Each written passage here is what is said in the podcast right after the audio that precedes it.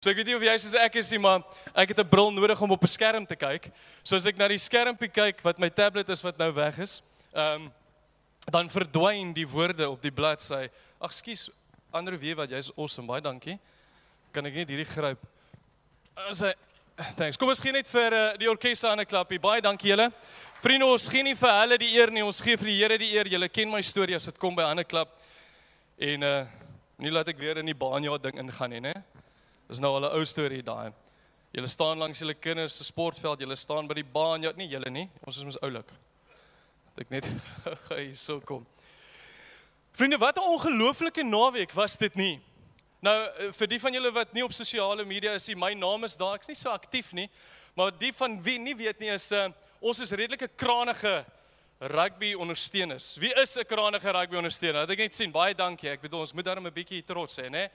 En ehm um, toe die Springbokke nou sou speel, die eerste ding wat ons natuurlik gaan doen is ons gaan soek vir die 150 rand kaartjies. Want as jy 5 mense moet vat, dan moet jy mos maar dink in jou sak. En natuurlik soos met die URC final het ons dit gemis want daar het ek 2 ure lank gesit en sukkel om 'n kaartjie te kry. En toe blykbaar het hulle gesê jy moet hulle e-pos. Ek het dit gemis. Ehm um, en ons kry toe nou nie kaartjies nie. Maar ek is Vrydagoggend hierso saam met Dominee Chris besig om uh, gou vinnig my preek te teologies te versorg. En op pad terug hoor ek vir Mike Potgieter op Radio Tygerberg en hy sê jy kan 3 kaartjies wen as jy die volgende vraag kan beantwoord. Wie is die 54ste Springbok kaptein wat 6-3 gedruk het teen Wallis? Nou natuurlik, vat nie baie om te weet dat wel die laaste paar almal forwards was en daar's nie 'n manier hulle 6-3 gedruk nie. So dit kan net John de Villiers wees. Ek stuur dit gou vinnig in, sit my ID nommer by en daar's hy weg en ek dog wag, ek stop daar by Glen Gary en ek sal onder die parkering in en ek tik en ek tik en ek sweer en ek post forward, post forward, post. Ek dink wag, ons is nog mans in die huis. Jonathan en Joshua is ook daar. En ek dink, "Right, dan gaan ek dit doen en ek, ek, ek gelukkig het ek alles mos nou op Google Drive, hulle geboortesertifikate kry, gaan hulle ID-nommers terwyl ek in Pick n Pay stap. Julle, dit het my 45 minute gevat om groceries te koop. Moenie worry nie. Ek het seker 100 boodskappe gestuur. Ek het al later gedink om hom te vra, "Moet ek ophou?" Maar nee. Kaartjies gaan ons kry. En so waar is wraggies? Ek kom by die huis, stap in die huis en my foon is mos nou op die app sodat ek kan hoor wat aangaan en daar sê hy Jonathan Woodward is die wenner en ek sê yes! Dis is dis mal in die huis. Jy wil dit gaan mal my ma stop op daardie oomblik deur die hek sy word beskree. Ons het kaartjies gewen. Karen natuurlik is by die werk en sy is op die foon. Het jy gehoor Jonathan het gewen? Ek sê ja! En wat 'n ongelooflike geleentheid was dit nie. Nou natuurlik gaan daar mense wees wat hartseer is want ons is almal as Woodward gesin gister na die stadion toe. Maar mamma en uh nee nee nee, ons moet teruggaan. Wat sien is hy fancy ene? Wat so daar nee, wat sien wat so so knoppie maak nou weer? Nou okay nee, daar sit ek hom dalk af. Hy maak mos so 'n ronde liggie. Okay. Ek doen dit nie nou nie. Maar uh mamma en sussie moes natuurlik vir ons by die hek groet en ouma moes vir ons groet by die hek. Hulle kon nou nie saam met ons ingaan nie. Ek weet Karen het gister vir my 10 keer gevra, "Jy preek môre, wil jy nie maar net by die huis bly nie?" Ek sê, "Nee." Daar's, I mean regtig, wie gaan die game mis? En ons kry sitplekke net regs van die middellyn. Dis fantastiese kaartjies en dit was 'n ongelooflike geleentheid om hierdie dag saam met my seuns te kan geniet. Partykeer moet 'n pappa ook met sy seuns ietsie kan doen. En as jy my twee laities ken, dan weet jy, hulle is kranige sportmense. Hulle is lief vir hulle rugby. En dit was vir my so behalwe nou die fotobom van die Wallisers daarbo. Ons wou nog foto's neem te kom hulle in. Baie oulik, hulle het vir Jonathan nog 'n fridge magnet gegee van van van Wallis af. Dit was baie oulik. Maar dit was my foto wat nie cool was nie. Maar dit was so ongelooflik om te sien en die mooiste woorde wat ek kan dink in my mooi Engels is they were so engaged. Hulle was so present in daardie oomblik. Ek vra wil hulle gaan koeldrank koop? Nee pappa, hulle wil sit, hulle wil kyk hoe warm hulle op. Hulle skree, "Kyk, dit's faf, dit's faf." Nee, dis alwaar hulle hoor, jy's faf en sia. En dit was regtig lekker om voor skool dit saam met die seuns te kon kon doen. Nou, ek sien hier's 'n hele paar jong mense vanoggend saam met ons hierso. So wees asseblief eerlik. Dis die tweede laaste dag wat die amptelike vakansie voordat die skole Dinsdag begin. Kinders, Wie van julle, wees eerlik, is in die kerk. Wie van julle is super opgewonde dat skool Dinsdag begin? OK. Right, so die kinders, ek kan sien. Ouers, julle het nou gesien. Daar was nou een of twee nuuskierige apies wat nou nie kon wag nie wat bietjie weet wat volgende aap by die rekenaar aangaan. Maar wie van julle as ouers, jy het nou gesien hoe eerlik jou kind is, né? Wie van julle is bly dat die skool Dinsdag begin? Daar sê baie dankie. Okay, so daar is van julle wat en vir die van julle wat nie julle hande opgesteek het nie, Karen deel verlede naweek vir my en die kinders. Ons is natuurlik albei in die onderwys en sy sê daar's bewys nou met nuwe studies dat onderwysers tot 95% van die tyd kan sê as 'n kind jok, sê ek watch julle van die bo af, né? Ek kyk vir julle. Maar dis regtig vir my 'n groot voorreg om ver oggend weer die boodskap te kan bring. En my gebed die hele week was dat die Heilige Gees ver oggend homself aan elkeen wat na hierdie boodskap luister sal openbaar. Vir die van julle wat ver oggend hier is, maar ook vir hierdie mense wat ver oggend aanlyn ingeskakel is. En is regtig vir my ongelooflik dat ons tegnologie het vandag dat ons die woord in mense se huise vir hulle kan bedien. So vir al die mense wat aanlyn ingeskakel is, wil ek vir julle ook baie baie welkom heet. En kom ons gee net vir hulle 'n lekker applousie om hulle ook sodat hulle deel is van vanoggend. En vriende, ek wil graag vir julle aanmoedig. As jy aanlyn is, laat weet vir ons, gesels saam in die comment section, laat weet waarvan af jy inskakel, hoeveel mense daar is wat saam met jou kyk. Daar is mense wat agter op die rekenaar is wat saam met jou kan uh kan gesels. En as jy nog nie opgeteken het nie, subscribe het nie. Is is net beter. As jy nog nie subscribe het nie, dan wil jy nie oorweeg om op so 'n manier by ons gemeente betrokke te raak nie, maar ook om die boodskap te deel om die evangelie daar buite te kry. En dis regtig ware voorreg om dit saam met julle te kan doen. Dan is daar nuwe mense vanoggend hier. Ek het 'n paar dae gesien en hier was 'n handjie en hier was 'n handjie. Welkom ook aan julle. Dis vir my regtig lekker om saam met julle die dag te kan geniet. Maar ook asseblief kom volgende week want Johan doen dit gewoonlik. Raai julle moet hom ook hoor preek. Raai so hy doen dit meeste van die tyd. Ons kry net die voorreg om uh, nou en dan die kansel te betree. Nou vriende, ek moet bieg. Ek gaan regtig waar vir oggend bieg. Soos wat ek hierso staan en Dominee Johan het sy mini reeks oor Jefta gedoen en Dominee Chris het verlede week oor Rut gesels. Het ek baie geworstel met my tema vir vanoggend. Jy sien nou soveel vrae binne in my eie kop. En soos wat ek vir die Here vra, Vader, wat wil U deur my sê vir U mense vanoggend? En soos wat hierdie boodskap begin vorm, bid ek dat hy my help daarmee. En ek besef net as ek kyk na Gideon en ek dink onmiddellik aan hom dat hy nie 'n gewone mens is soos ek en jy en dat hy ook vrae en bekommernisse gehad het in die lewe. Maar dan hier in die agtergrond is ek nog steeds besig om te worstel met vrae van wat heidaglik om ons aangaan in ons land vandag en in die wêreld. En soos die Here dit wil, gesels ek maandag met my swaar Neil Karen se broer. Ek bel hom altyd as ek probleme het met my kar. In Januarie het ons turbo op die kar gegaan en verlede week het die intercooler besluit hy is ook nou nie meer lus om te werk nie. En ek moet 'n bietjie raad kry by hom en ons begin gesels en ons sê, "Jesus, wie jy en ons praat so met mekaar en ons bemoedig mekaar en ons sê dis amazing hoe God altyd voorsien in situasies soos hierdie." Amen.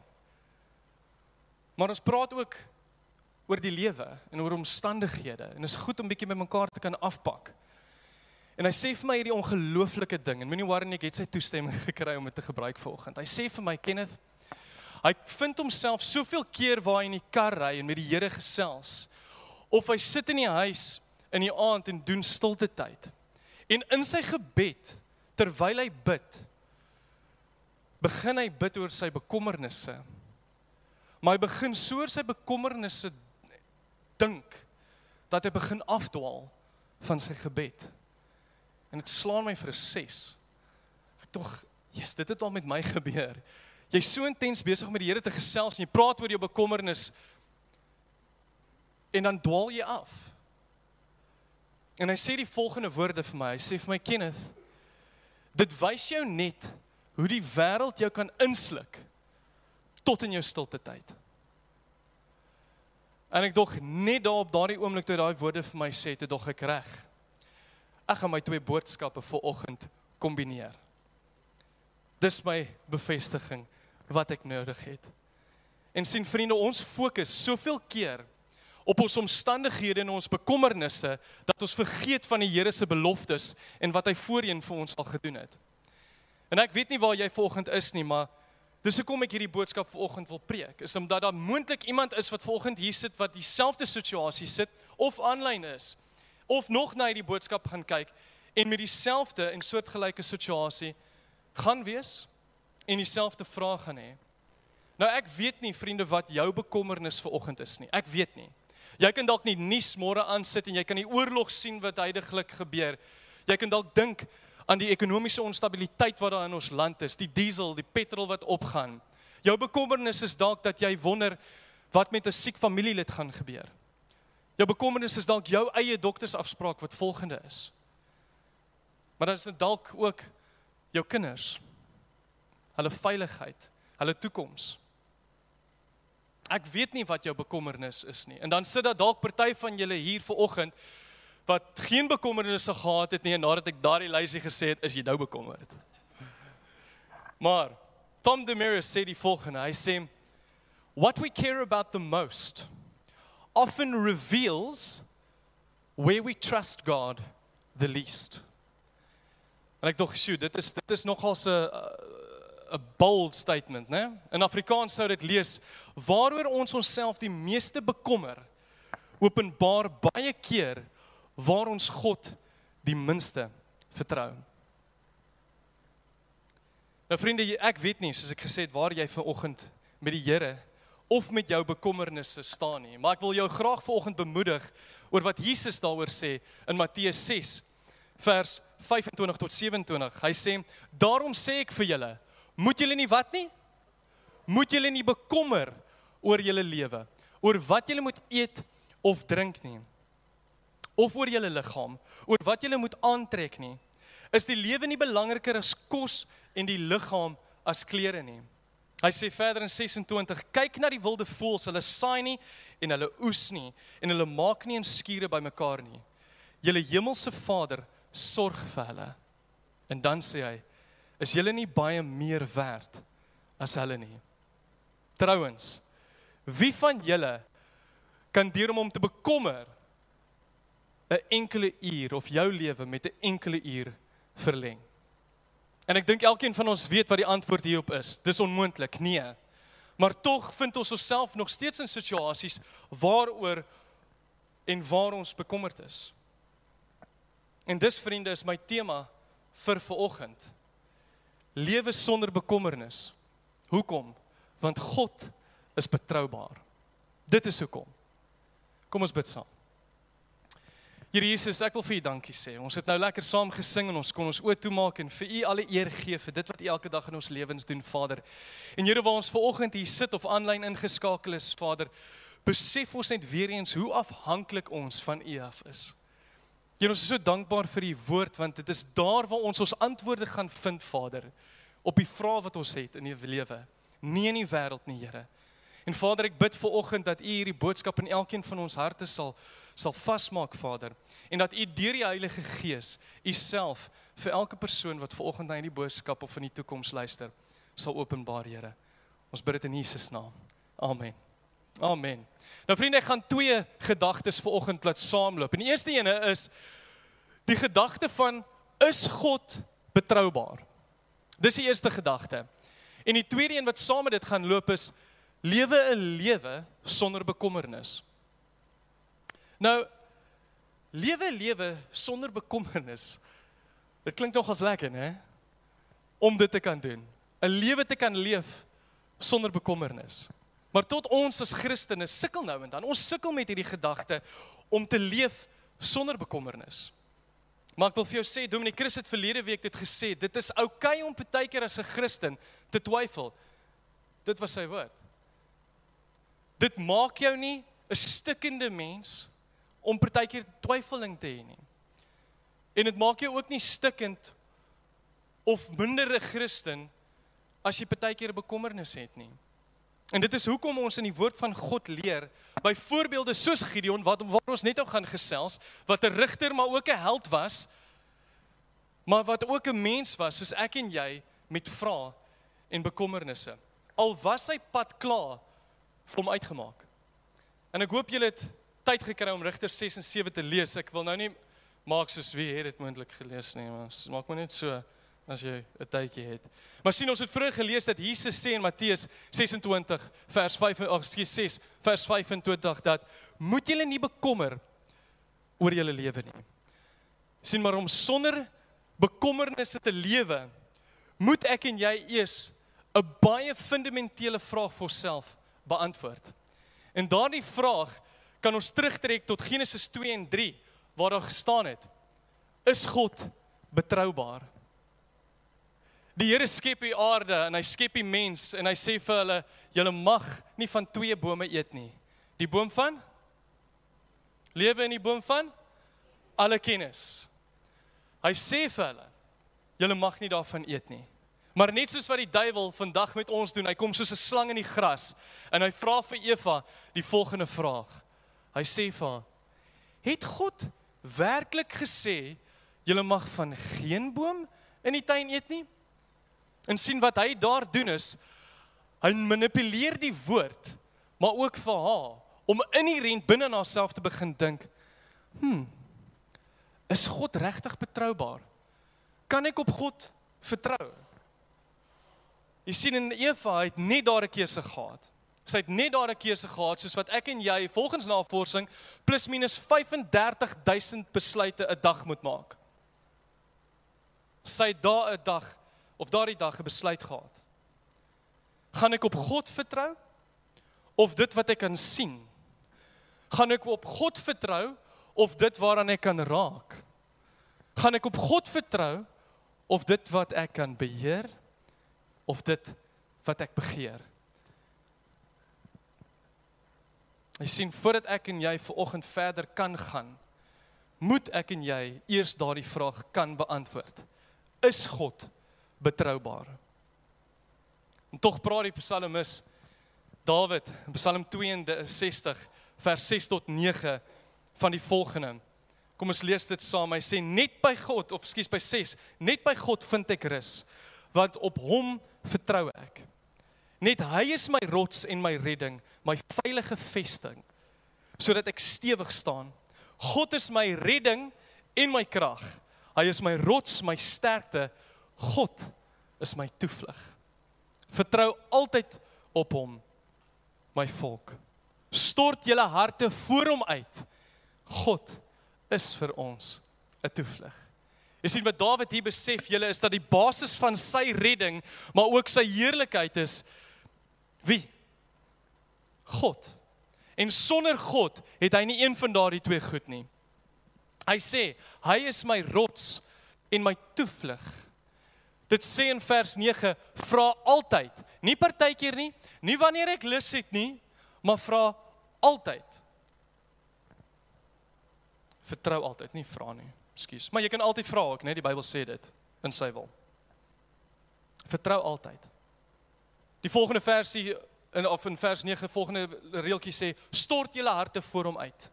Wat beteken dit? Stort jou hart, jou bekommernis, jou vrese, jou tekortkominge stort dit by die Here uit. Hoekom? Want God is vir ons 'n toevlug. En vriende, eerder om na ander mense te draai vir aanmoediging en sekuriteit, draai Dawid na God toe vir daardie goed. Jy sien en die vraag is, is God betroubaar? Ja, hy is betroubaar. En hy verdien my en jou vertroue.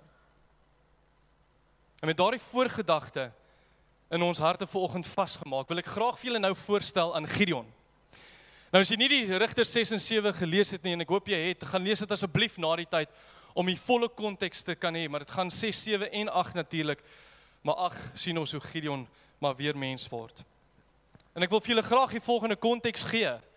Ons ontmoet vir Gideon in Rigter 6 En julle moet van Gideon weet, die volgende is dat hy die mees belangrikste rigter was. Hoekom? Daar was al 100 verse oor Gideon geskryf. Dis die meeste wat daar geskryf is oor enige rigter. En hy het ook gesukkel met sy vertroue en sy geloof in die Here. En ons moet ontmoet vir hom ook waar hy in 'n parskruip wegkruip terwyl hy besig is om koring uit te slaan klink nie nou 'n baie dapper persoon nie, né? Besig om weg te kruip. Maar hoekom het hy weggekruip? Hy het weggekruip omdat hy vir die media nie te bang was wat verskriklik die Israeliete vir 7 jaar hard behandel het. Jy sien die media nie te en die Amalekiete maar sowel as ander mense van die ooste het saamgetrek tydens Parstyd en hulle het Israel se lande vernietig. Alles gevat. Alles. En hulle moes gaan wegkruip en leef in grotte in daardie stadium. Hulle het nie 'n enkele dier lewendig gelos nie. Nie 'n bees nie, nie 'n donkie nie. En dit is hoekom Gideon hier wegkruip. Hy is bang. Hy is bang dat die media nie te hom gaan sien en sy koring ook gaan vat. En nadat die Israeliete tot die Here uitroep, speel daar bekende tema hier af wat die hele Ou Testament vol is. Genesis, Exodus, Deuteronomium, Numeri, jy lees dit oral, die Psalms. En dit is die tema van onthou. Ons lees saam in Rigters 6 vers 6, ekskuus tog 7 tot 9 die volgende. Dit sê toe hulle tot die Here roep om hulp teen die Midianiete, het hy 'n man gestuur om onder die Israeliete as profeet op te tree. En hy het vir hulle gesê: "So sê die Here, die God van Israel: Ek het julle uit Egipte laat wegtrek en ek het julle uit die plek van slawerny bevry." Daar staan verder geskryf in die Here se woord: Ek het julle gered uit die mag van Egipte en van almal deur wie julle verdruk is. Ek het hulle laat plek maak vir julle. En ek het hulle land vir julle gegee. Jy sien wat God hier gedoen het, was hy het iets gedoen wat hy nog nooit met enige ander rigter gedoen het nie. Hy het 'n profeet gestuur om hulle te herinner dat God dit God was wat hulle uit e- Egipte laat wegtrek en het en dit is hy wat hulle uit slawerny bevry het. Hy het hulle gered uit die mag van Egipte en hy het vir hulle die Egiptenare se land gegee. Dis nie wat ek sê nie. Jy kan dit lees. Hy het vir hulle die land gegee. So vriende, ek hoop jy's wakker en ek hoop jou pen is in jou hand. Die eerste rede hoekom ek en jy kan weet dat die God God getrou is en dat ons uit Gideon se storie kan leer is nommer 1 want God was voorheen getrou. Dis nommer 1. Jy sien God in hierdie verse wil hê die Israeliete moet onthou dat God voorheen en altyd by hulle gaan wees. En hy wil sê soos wat hy hy hy, verwys hier terug na Exodus 13 vers 3, uh, ekskuus Exodus 3 vers 13 waar Moses met die mense praat en hy sê die volgende, hy sê onthou die dag waarop julle uit Egipte uit die plek van slawerny weggetrek het, want dit is deur sy groot mag dat die hele Here julle daardeur bevry het. Wie se mag? Wie se mag? Hulle mag. Nee, God se mag. Nie myne nie, nie joune nie in die situasie waar jy jouself vandag dalk bevind. sien Moses sê vir die volk, onthou dat God voorheen getrou was. Onthou.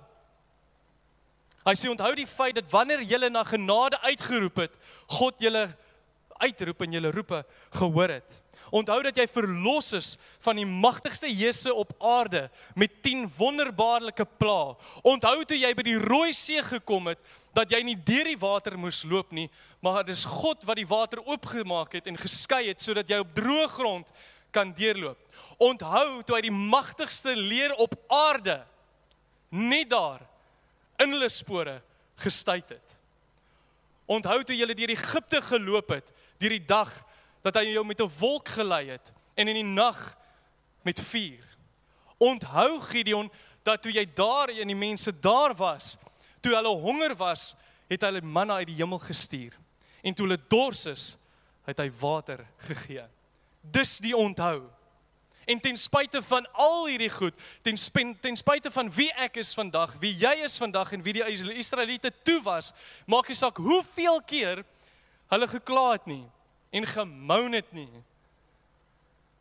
was God nog steeds genadig om ons en hulle te seën. Jy sien Gideon en die Israeliete het die woord van God geken. Hulle het die Torah geken. So hulle sou geweet het waarna God hier verwys. God is betroubaar want hy was voorheen getrou en hy kan dit weer doen. Amen. Amen. Ons moet net ons vertroue, vriende, in hom plaas. Jy sien ons lees in vers 24 die volgende dit sê Gideon het net daar 'n altaar vir die Here gebou en dit genoem die Here gee rus. Hoekom het hy dit gedoen? Want hy het so pas besef hy het 'n engel van die Here gesien. En volgens die skrifte moet hy doodgaan as hy in aangesig kom. Maar die Here sê vir hom moenie bekommerd wees nie. Jy gaan nie doodmaak jy gaan nie doodgaan nie. En daar bou hy 'n altaar uit danksegging. En hy sê vir hom en hy noem dit die Here gee rus. In vers 26 sê hy weer: "Bou dan 'n netjiese altaar vir die Here jou God op daardie versterkte plek en vat die bul en offer dit as brandoffer." Hoekom? Want hy wil hê God wou gehad het Gideon moes die altaar afbreek wat sy pa vir Baal gebou het. So die eerste keer doen hy dit uit sy eie uit en die tweede keer as 'n opdrag. En die Israeliete het 'n ongelooflike gebruik gehad om 'n altaar te bou. Te nagedagte van God se goedheid of om 'n brandoffer te bring. En waarna hier verwys vriende is Exodus 17 vers 15 waar daar sê Moses het 'n altaar gebou en dit genoem, ook genoem die Here gee my wat oorwinning. Verder het Moses ge, gesê dit is die gedenkteken vir die oorwinning wat die Here gee. Die Here voer oorlog teen Amalek van geslag tot geslag. En hierdie is dieselfde Amalekiete 200 jaar later waarteen hulle nou veg. Hoekom het hulle altaar gebou? Hoekom het hulle altaar gebou? Hulle het 'n altaar gebou. Skus. Waar is hy nou? Waar is hy? There we go. Hulle het 'n altaar gebou en klippe opgestapel om te onthou. Sodat as hulle verby daardie altaar stap, hulle kan terugdink aan God se goedheid en sy grootheid. So die vraag wat ek vanoggend vir jou het vriende is, wat is die klippe in jou lewe en die altaar Onthou die altaar is mos nou nie meer nodig nie. Kom ons sê dit net met Jesus as ek net vir julle daai eksegetiese deel kan gee. Maar wat is daardie hoop klippe wat jy vandag in jou lewe opsit om God se goedheid en getrouheid aan jou te onthou? Sien voordat jy net op jou bekommernisse fokus vriende, Fokus op die tye wat God goed was. Fokus daarop. En as jy niks het nie, dalk is dit nou tyd vir jou om 'n 1000 dankies boekie daarvoor te kry om jou dankbaarheid neer te skryf. Dalk is dit tyd vir jou om as jy dit daar neerskryf in 'n dagboek neer, neer te skryf. Dominee Johan het vir ons 'n boodskap daaroor ook gebring. Kom dit goed is om dagboek te hou. Plak dit op as jy moet onthou. Maar doen iets want dit is goed om iewers te begin om God se getrouheid en goedheid te onthou. So ons weet en hoe weet ons vriende dat God betroubaar is? Wel ons sit nog hierso, né? Ek en jy is nog hierso. So dit moet hy moet betroubaar wees. Maar die eerste rede is omdat hy voorheen getrou was. En die tweede rede vriende is want God is nog steeds vandag getrou. Ons lees in vers 12 tot 17 die volgende. Die engel van die Here het aan hom verskyn en hom gesê: "Die Here is by jou, dapper man." Maar Gideon het vir die engel gesê: "Ekskuus meneer, maar as die Here by ons is, waarom kom al hierdie dinge oor ons? Waar is al sy magtige dade waarvan ons voorvader voorvaders ons vertel het, toe hulle gesê het, het die Here ons nie uit Egipte bevry nie? Nou het die Here ons in die steek gelaat. Hy het ons oorgegee in die mag van die Midianiete." Toe het die Here na Gideon toe gedraai en vir hom gesê: "Gaan met die krag wat jy het en gaan red die Israeliete uit die mag van die Midianiete. Toe, ek stuur jou." Maar Gideon sê vir hom: "Ag, ekskuus meneer, waarmee sal ek die Israeliete gaan red? Die familie waaraan ek behoort is die armste in die hele Manasse en van my pa se kinders het ek die minste aansien." En die Here het hom geantwoord: "Gideon, ek is by jou en jy sal die Midianiete verslaan. Sal die Midianiete verslaan asof hulle nie meer as een is nie. Gideon het vir hom gesê: "Ag as u so vriendelik wil wees, doen tog vir my net 'n wonder dat ek seker kan wees dit is u, Here, wat met my praat. Die Here is by jou, dapper man." Wat 'n ongelooflike manier en 'n vreemde manier om jou vers te begin. Want op hierdie stadium het dit nie vir Gideon gelyk asof God by hom was nie en dit het ook nie op hierdie stadium gelyk asof Gideon baie dapper is nie. Maar Gary Hendrik sê die volgende en hy stel dit so mooi. Hy sê one of the greatest truths of scripture is that when God looks at us, he does not see us for what we are, but for what we can become as he works in our lives. Baie baie powerful. En al het Gideon al hierdie vrae en onsekerheid eerstens in sy eie vermoë gehad, maar ook of God getrou is omdat hy gedink het dis God wat hulle in hierdie situasie geplaas het en nie hulle self nie, sê hy vir hom twee keer in vers 12 en 16. Gideon, ek God is by jou. God is hier besig vriende om met Gideon se geloof te werk en sy geloof te bou. Want hy weet wat Gideon gaan word. Is ongelooflik hoe die skrywer vir my hier vir Gideon en Mo aan Moses vergelyk en voorstel. Altwee wou nie God se mense lei nie. En dit moes hierdie stadium vir Gideon baie moeilik gewees het om te sien wat God se plan was. Moes wel moeilik gewees het. En dit is hoekom ek en jy vandag onsself in dieselfde situasie vind. Dat ons onsself bekommer. Hoekom? Want sien vriende, ek en jy kan nie die uitkoms van 'n situasie sien nie. En dis waar die kommer inkom. Maar God weet. God het geweet al is Gideon bang vir sy pa en vir die stadsmense. Hoekom uit die Baalaltaar afgebreek en hulle wil hom doodmaak? En hy was die mees bangste vir sy pa. Nog steeds het God geweet dat sy pa vir hom daardie dag gaan opstaan teen die stadsmense en hom beskerm. En vriende, ek wil volgens vir jou bemoedig dat jy moet weet, jy het nog steeds vandag 'n pa en 'n vader wat jou liefhet en vir jou is en nie teen jou is nie.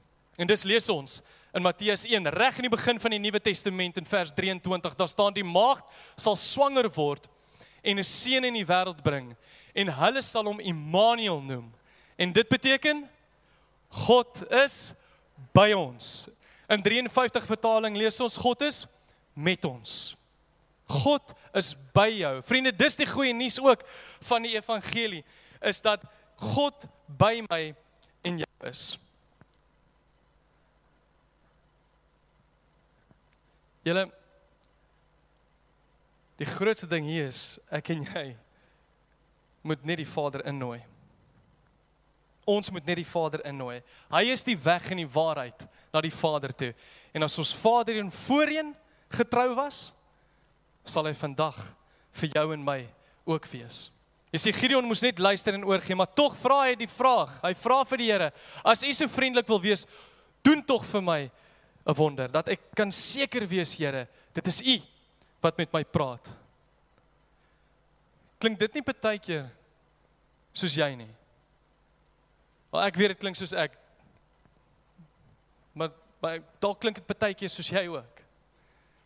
Jy sien ons wil alles sien. Né? Nee, ons wil sien wat gebeur. Eva kon sien dis begeerlik. Sy kon sien dis mooi. Waar is jou geloof, Kenneth? Ek praat hier met myself.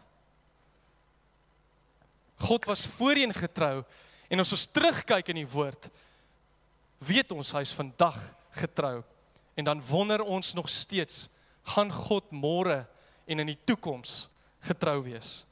Jesus gee vir sy disippels die volgende opdrag. Hy sê: "Gaan dan al die nasies toe en maak die mense my disippels. Doop hulle in die naam van die Vader en die Seun en die Heilige Gees en leer hulle om alles te onderhou wat ek julle beveel het." En hier sê hy dit weer: "En onthou ek is by julle al die dae tot die volëinding van die wêreld." Vriende, ek en jy hoef nie ons bekommernisse en ons vrese vandag alleen aan te pak nie want God is met ons. Sy woord sê dit. En dit is nie dat God ons elke keer wat ons in 'n moeilike situasie uit daai situasie gaan kom uitruk nie. Dit is nie waar dit gaan nie. Maar dit is dat hy elke keer saam met ons daardie situasie betree. Hoe weet ons dat God getrou is? Hoe weet ek en jy dat God betroubaar is? Hy was voorheen getrou en hy is vandag getrou. sien omdat God se getrouheid vandag nie afhanklik is van die afwesigheid van probleme en bekommernisse nie maar van die teenwoordigheid van God in my en in jou lewe. En dit herinner my aan die storie en ek dink baie van ons as ouers kan hieraan getuig en hiervan getuig. Dit herinner my aan my eie drie kinders. As jy jou kind bed toe gevat het en die van julle leer maar nou daar uit die jonges. Jy neem jou kind bed toe en 45 sekondes later ek is nie moeg nie. Regtig. Ek het soveel om te doen. Jy gaan bed toe.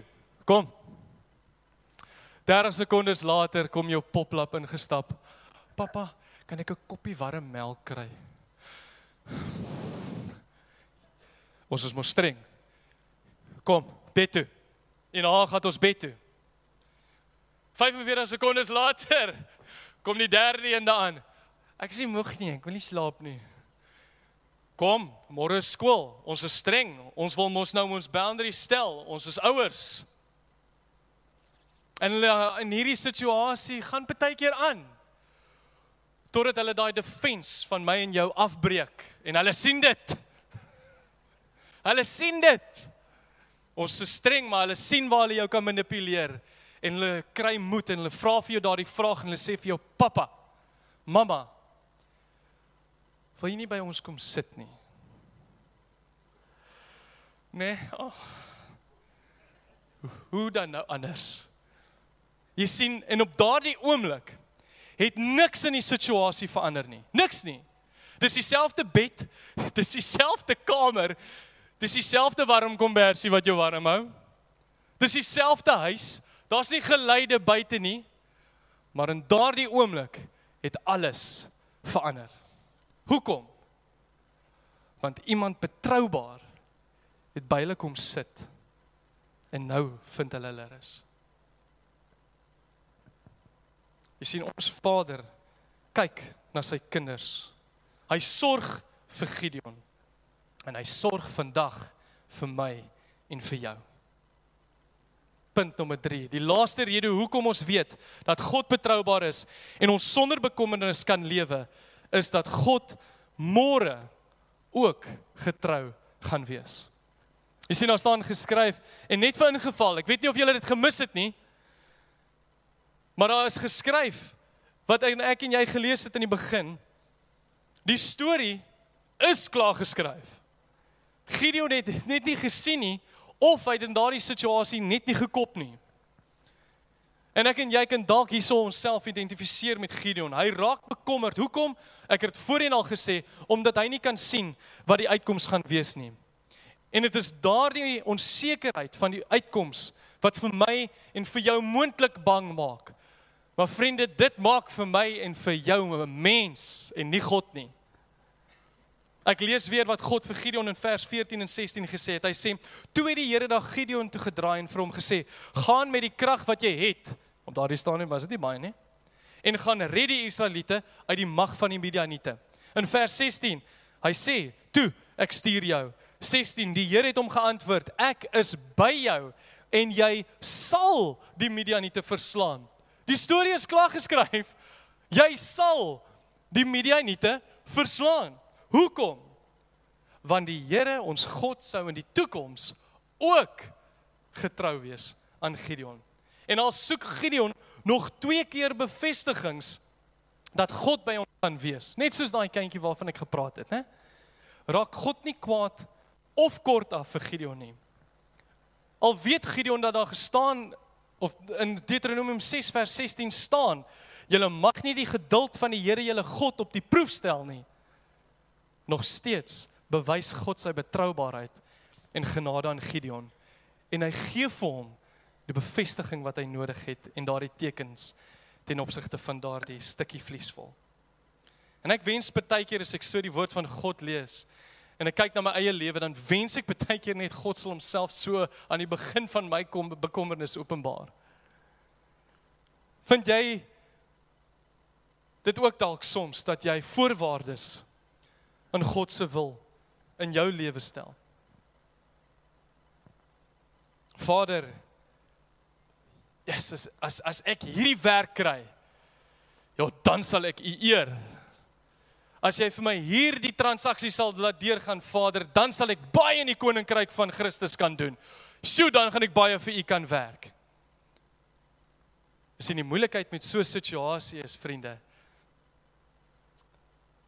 Is dat wanneer ons voorwaardes in God se wil in ons lewe plaas, dan begin ons luister na ons eie stem. En ons volg ons agenda. En dan vra ons dieselfde van God dat hy volgens ons agenda beweeg en ons luister nie na die Heilige Gees wat binne in ons lewe is en wat die leiding moet neem nie. As ons kan leer om God te vertrou, sal ons in geloof wandel en nie volgens wat ons kan sien nie. As Gideon nie klaar onseker was op hierdie stadium nie, was wat was God se plan met sy lewe gewees? Moes hy op hierdie stadium met 32000 manskappe, 135000 Midianiete, Amalekiete en ander manne van die ooste gaan aanvat. Maar God het geweet natuurlik, soos ons vandag, dat Israel sou spog oor hulle oorwinning en God sê vir Gideon twee keer om sy leed te verminder. En die eerste manier wat hy dit op doen is hy doen weer eens, hy verwys terug na die skrif toe. En hy sê vir hom in Deuteronomium 20 vers 8 en dis waarna hy verwys is waar Moses die Israeliete daar her, daarin herinner dat die manskappe wat bang is huis toe gestuur moet word. Hoekom? Want hulle gaan die res van die manne ook laat twyfel en wonder en moed verloor. En tweedens sê vir hulle die manne wat water skep met hulle hande. Hulle is die manne wat saam met jou oorlog toe kan gaan. En daar's 300 wat oorgebly het. 300. Maar daar staan ook die volgende geskryf en ek wil ook dit vir julle lees. Kyk, julle het gesê daar was van julle wat gesê die vorige keer my preek was 35 minute was te kort. Julle gaan sit vandag. Nee, ek is amper klaar. nie reg nie. Jy sien daar staan geskryf in hierdie selfde teksvers Deuteronomium 20 staan daar geskryf ten opsigte van oorlog. Wanneer jy teen jou vyand gaan oorlog maak en jy merk hulle het perde en strydwaans en hulle is meer as jy, moet jy nie vir die vyand bang wees nie. Die Here jou God wat jou uit Egipte laat trek het, is by jou. Wanneer jy gereed staan om te veg, moet die priester nader kom en die volk toespreek. Hy moet vir hulle sê: "Luister Israel, julle staan nou gereed om teen julle vyand te veg. Moenie bewe nie, moenie bang wees nie, moenie vreesbevange word nie, moenie vir hulle skrik nie." En dan sê hy die Here: "Die Here julle God gaan saam met julle om vir julle teen julle vyand te veg om julle die oorwinning te laat behaal. Dit is wat God hierna verwys. God was voorheen getrou Gideon. Hy's vandag getrou en hy sal in die toekoms ook getrou wees. En jy dink jy het probleme? Kan jy dink hoe dit moet wees om teen met 300 man se 135000 te gaan aanvat? Ek maak gou vir jou 'n vergelyking. Daar's vir jou 300 en 135000. Jy kan vir jou 'n bietjie smoked Vienna's koop. 'n Bietjie sappies, 'n pulsert. Jy kan daarom vir mamma ook 'n paar knorre ingooi. Of 'n kar. Of kom ons maak dit 'n bietjie meer tangible, né? Hier's 300 sitplekke in die blokkie. Vat hierdie 300 en maal dit met 450 dan kry jy hoeveel manne daar was wat vir hulle wag. Maar God het geweet wat die uitkoms gaan wees. En Gideon kon eers die keuse maak om gehoorsaam te wees aan God se roeping sodra hy sy eie vrees en meedoenlose ongeloof oorwin het. Meedoenloos, 'n mooi woord, né? Sy unwavering Hey, Kenneth. Sy mag nie dit doen nie, hè? Ons kan dit uit-edit op online. Nou nou. Nadat God uniek gewerk het om Gideon se probleem met vlees of met vrees skies bloot te stel, eers toe was Gideon gereed om Israel te lei. En hulle daardie dag met slegs 300 manne vir die Midianitiese leer aangeval en verower. En met 'n geïnspireerde plan wat geïmplementeer is met slegs ramshorings, erdekruike en fakkels. God het vir Israel die oorwinning gegee wat hy gesê het hy gaan doen sonder om 'n enkele spies of hulle enkele swaard te lig. Jy sien God was voorheen aan sy mense getrou vriende en God is vandag getrou en God sal in die toekoms getrou wees. En hier is die boodskap, as jy vandag 'n volgeling van Christus is, het God die einde van my en jou storie klaar geskryf. En ons lees in die Openbaring 21 vers 3 tot 5 die volgende. Daar staan geskryf: Toe het ek 'n harde stem van die troon af hoor sê: "Kyk, die woonplek van God is nou by die mense. Hy sal by hulle bly Hulle sal sy volke wees en God self sal by hulle wees as hulle God. Hy sal al die trane van hulle oë afdroog. Die dood sal daar nie meer wees nie. Vriende, daar sal geen bekommernisse wees of vrese nie. Ook leed, smart en pyn sal daar nie meer wees nie.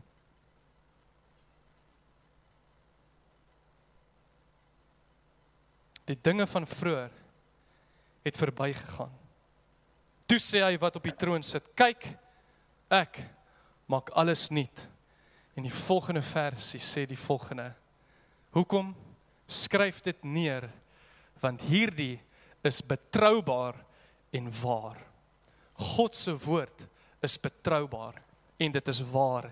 En as ons volgens sy wil gaan lewe, help hy vir my en jou om sonder bekommernisse te lewe." En jy het vandag dalk na hierdie boodskap geluister, nou en dan dalk een keer gelag. En jy kan vir my sê, Kenneth, ja. God is betroubaar. Hy is betroubaar. Ek kan dit sien. Ek hoor wat jy sê. Hy was voorheen getrou. Ek kan sien as ek luister na die boodskap dat hy vandag getrou is en ek kan hoor dat hy ook in die toekoms getrou gaan wees. Maar hier is my vraag aan jou Kenneth. Wat as my bekommernis waar word? Wat as dit gebeur? Jy sien vriende, in ons gemeente is twee van ons vriende, Madeleine en Tiny wat daar agter sit. En hulle twee was ongelooflik oorstel. Hulle was bly. Meneer Warren het hom gebel en met hom gepraat om seker te maak of hulle bly was. Toe hulle 'n tweeling verwag. Dit was nie ah, wat gaan gebeur het, hè? Liefie, ons is tweeling pappas en mammas, ons sal verstaan. En hulle was ongelooflik oorstel dat hulle tweeling gaan hê. En Madeleine skenk natuurlik toe geboorte aan 'n tweeling seentjie en 'n tweeling dogtertjie Kara en Ruben. En op 8 maande oud begin hulle besef dat iets is fout, iets is nie oukei okay met Ruben nie. Hy begin aanvalle kry en Hy begin sy bewussyn verloor van die verskriklike pyn waarin hy is en wat hy beleef. En op menigte ondersoeke vind hulle uit dat sy brein wat so moet lyk lyk soos mooi koeltjies. Mooi pragtige oop breinstam. Hulle vind toe uit dat sy brein op 8 maande wat so moet lyk, so lyk. En na operasies om die vog wat hier opgebou is, want natuurlik hierdie vog kan nie uit die brein uit weggeneem word nie want sy breinstam wat die werk moet doen is totaal en al vergrys die massa wat in sy cerebellum groei.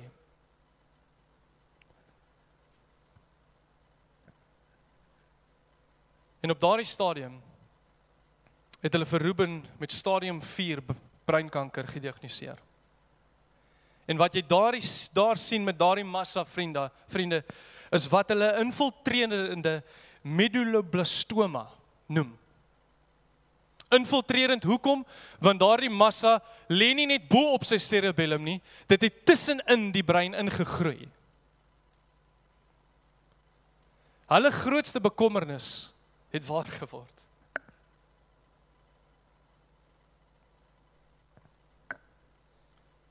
Julle kan hier sien hy moes 'n bysie in sy neus kry omdat hy nie meer kon sluk van die chemo nie.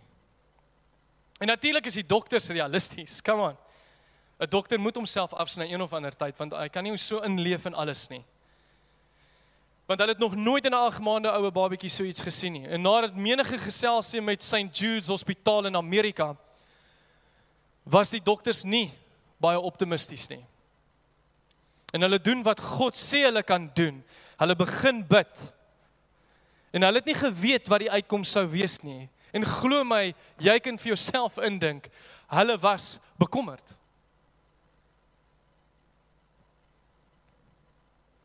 Maar hulle het hulle vertroue in die Here gesit en geweet dat as dit die Here se wil is, sy wil, sou hulle hom kon vra om Ruben te genees en gesond te maak. En 'n paar maande later het die Here hulle gebede verhoor. En die dokters nommer 1 kon dit glad nie glo nie. En die tweede ding wat daar uit gekom het is het gesê Ruben sal nooit kan loop nie en hy sal nooit kan praat nie. Kyk gou die volgende video saam met my.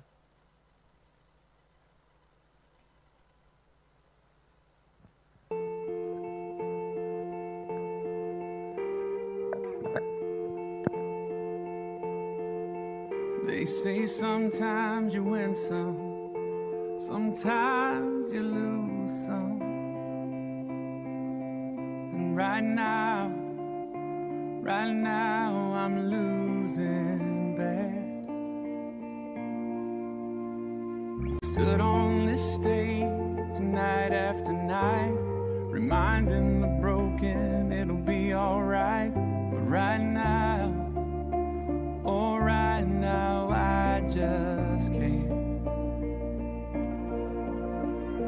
It's easy to sing when there's nothing to bring me down.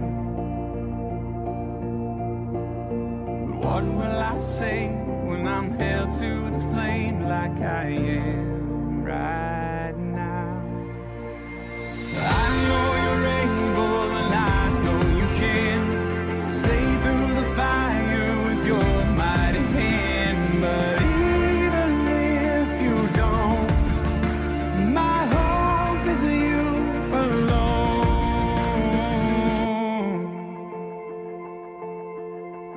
say it only takes a little faith to move a mountain. Well, good thing. A little faith is all I have right now. God, when you choose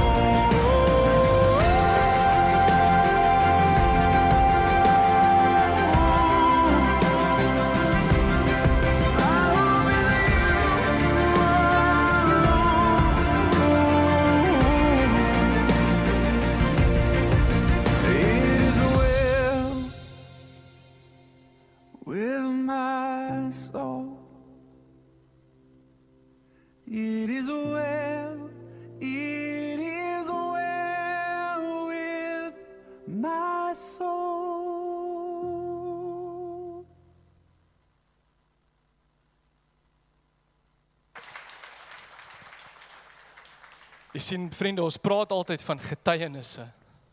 Ons sê, "Sjoe, dit gaan so goed wees vir jou getuienis."